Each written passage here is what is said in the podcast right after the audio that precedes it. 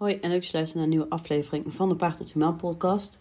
In deze aflevering wil ik het gaan hebben over een onderwerp wat wel ehm, ja, toepasselijk is voor deze tijd van het jaar en waar ik nog geen podcast over heb gemaakt. Dat stond er wel even op het lijstje, maar ik had het nog niet gemaakt. Namelijk ehm, een gezonde start voor je veulen. Er zijn op de markt namelijk heel veel veulenbrokken, uh, nou ja, gewoon allerlei producten die je aan je veulen zou moeten geven, omdat ze daar uh, de voedingsstoffen uit zouden kunnen halen die ze nodig hebben. En dan ga je ze een goede start mee en noem het maar op.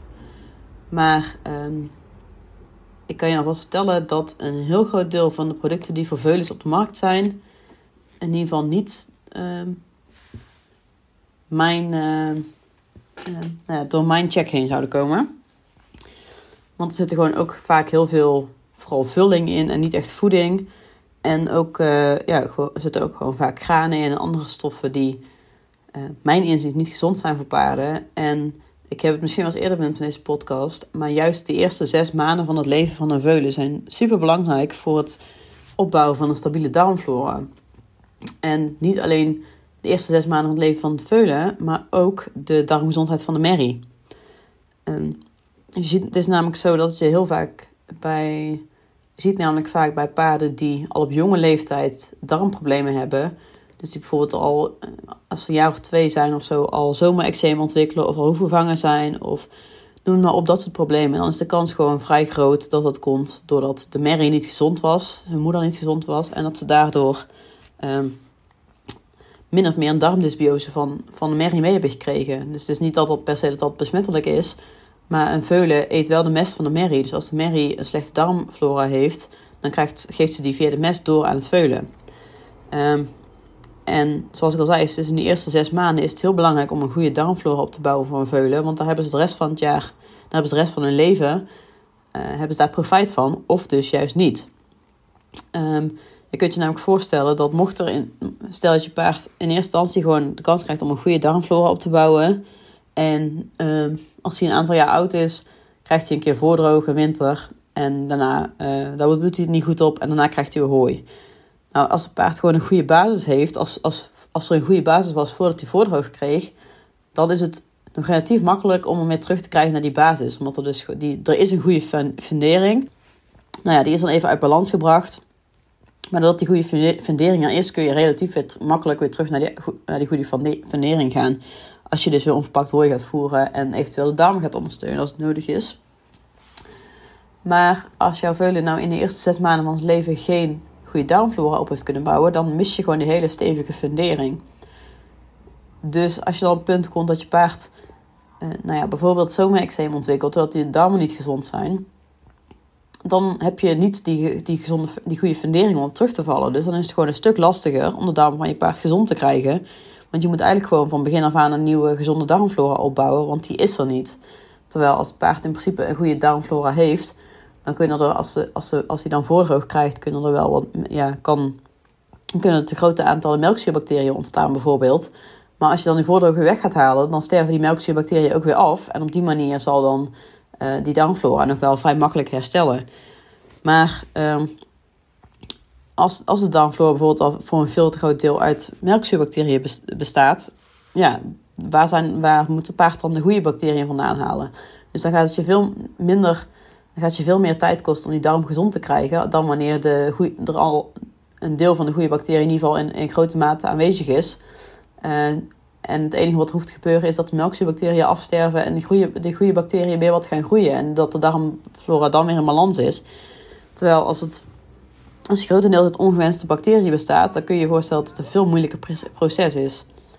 Dus daarom zijn die eerste zes maanden van het leven van het paard, maar dus ook de gezondheid van de merrie, want dat is ook echt ontzettend onderbelicht, is ontzettend belangrijk. Want uh, in de fokkerij wordt heel erg gekeken naar, uh, nou ja, wat zijn de prestaties van de, van de vader en de moeder. En hoe hoog kunnen ze hun, uh, hun lucht in werpen. Maar er wordt mijn inzien nog veel te weinig gekeken naar uh, nou ja, hoe, goed de darmgezondheid van de merrie is. En uh, nou ja, voor zover ik, weet het zo niet uit mijn hoofd, maar voor zover ik weet is de gemiddelde leeftijd van de sportpaarden ook niet heel hoog. En je kunt je natuurlijk voorstellen als je blijft fokken met paarden die niet gezond zijn en die dan dus, waarbij dus ook de kans groter is dat ehm, ze onder andere blessures ontwikkelen. Want als een paard bijvoorbeeld de KPU heeft, dan is de kans op blessures ook groter. Of als er sprake is van demineralisatie, uh, dan is de kans op blessures groter. Dus in die zin kan een paard dat ook doorgeven. Je ziet heel vaak dat men maar gaat fokken met paarden die geblesseerd zijn. Ehm, maar dat is ook helemaal niet handig, want dan is de kans ook gewoon aanwezig dat je, dat je die blessures, of in ieder geval die blessuregevoeligheid, weer doorgeeft aan je veulen. En zo blijf je maar ja, ongezonde paarden fokken. Naast alle andere problemen die, um, die een slechte darmflora met zich mee kan brengen. Want een paard van, van twee of drie die hoort niet hoe vervangen te raken. Een paard hoort sowieso niet hoe vervangen te raken. Maar als het op zo'n jonge leeftijd al gebeurt, dan ja, is de kans gewoon heel groot dat het bij de merrie al fout is gegaan. Of je moet je paard echt heel slecht hebben gevoerd in die twee jaar.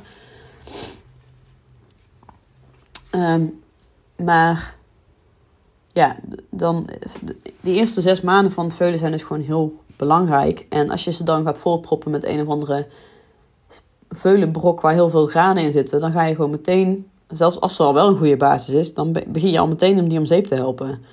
Dus um, ik, zie, maar ik zie ook nog best wel veel mensen die op zich het wel goed doen qua voeding en die wel met van alles rekening houden, maar die dan voor een veulen toch naar een veulenbrok grijpen.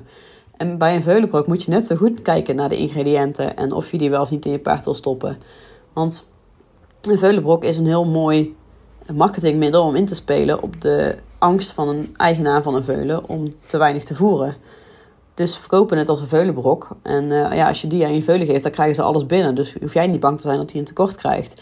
Want stel je voor dat hij een tekort krijgt als, als jong veulen. En dat is natuurlijk ook zo. Je, bij veulen is het heel belangrijk dat ze de goede voedingsstoffen binnenkrijgen om goed te groeien en om een sterk lichaam te krijgen. Dus niet alleen bij veulen, maar bij alle paarden die nog in de groei zijn. Maar je kunt je afvragen of ze dat wel uit de voedingsstoffen gaan, voeren gaan halen die vol zitten met granen, die vol zitten met soja en andere vulproducten waar ze gewoon niks aan hebben. Eiwitten die ze niet op kunnen nemen. Dus ja, ik wilde in deze, deze periode van het jaar toch ook nog even mijn visie delen op het voeren van een veulen.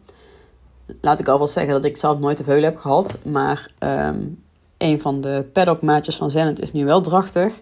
En die ondersteun ik sowieso ook al uh, ja, twee jaar, denk ik, qua voeding. En nou ja, dan ga ik, kijk, ga ik dus ook met Veulen meekijken wat hij allemaal te eten gaat krijgen. Ik weet ook al een hele hoop wat, niet, wat Veulen niet te eten gaat krijgen. Maar um, een Veulen heeft in de basis ook gewoon in ieder geval genoeg ruwvoer. Ja, in eerste instantie natuurlijk melk van de, van de merrie, de biest. Maar vervolgens in ieder geval genoeg ruwvoer als ze dat eenmaal mee gaat eten.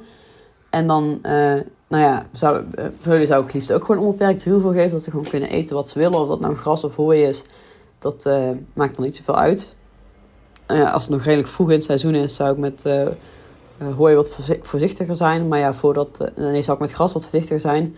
Maar ja, voordat zo'n veulen daadwerkelijk ruwvoer gaat eten, dan zul je ook alweer later in het seizoen zitten. Um, dus in ieder geval genoeg ruwvoer. En daarnaast zou ik in ieder geval beginnen met gewoon een simpele balancer. En eventueel kun je die overdoseren. Ik adviseer ook wel om over te doseren bij, bij een drachtige merrie. Dat je gewoon zeker weet dat ze genoeg mineralen binnenkrijgen. En zeker als je anorganische mineralen gebruikt, dan worden ze ook gewoon weer uitgescheiden als ze niet nodig zijn. Dus dat zou ik in, in eerste instantie een veulen geven. Dus onbeperkt ruwvoer met een balancer. En dan kun je daarnaast nog uh, iets van eiwitproducten zo bijgeven als je denkt dat het nodig is. Maar houd er ook rekening mee dat het bij veulen, dat veulens juist wat ribbig mogen zijn. Die moeten niet te dik zijn, want als je een veulen al te dik gaat krijgen, dan is dat, gaat dat ook weer uh, voor problemen zorgen op lange termijn. Dus veulens mogen echt wel wat ribbig zijn, die hoeven niet. Daarbij mag je de ribben kunnen zien. Um, die zijn in de groei, die, die veranderen nog heel vaak van hoe ze eruit zien. Um, die verbruiken ook gewoon veel omdat ze aan het groeien zijn. Maar het moet natuurlijk, kijk, ze moeten niet echt vermageren, maar bij een veulen moet je, als je naar de ribben kijkt, moet je wel even je verwachtingen wat anders, moet je verwachten wel even wat anders zijn dan bij een volwassen paard. Maar mijn is, is eigenlijk het voeren van een veulen is niet heel anders dan het voeren van een volwassen paard. Um, juist, juist omdat, je, omdat in de eerste zes maanden het zo belangrijk is om een goede darmvloer op te bouwen, wil je juist met veulens heel voorzichtig zijn met wat je, wat je erin stopt. En zou dus ook absoluut onverpakt hooi willen geven. En dus ook inderdaad een balancer waar verder geen troep in zit. Uh, nou ja, je kunt ook altijd iets van kruiden voeren. Dan kunnen ze dat ook meteen leren eten. dan wennen ze daar gewoon meteen aan. En dan kun je, dat draagt ook weer bij aan een diverse darmflora. Maar um, mijn inziens heeft een veulen dus niet per se een veulenbrok nodig. Of een merriebrok. Of wat, je ook allemaal, wat ze ook allemaal op de markt bedacht hebben. Dat is wat mij betreft puur marketing. En het zal ongetwijfeld zo zijn dat, dat, dus inderdaad de, minera dat de mineralenbehoeften zo afgestemd zijn op een, op een veulen. Dat geloof ik echt wel. Maar um, ja, je kunt ook gewoon van een balancer bijvoorbeeld wat meer geven.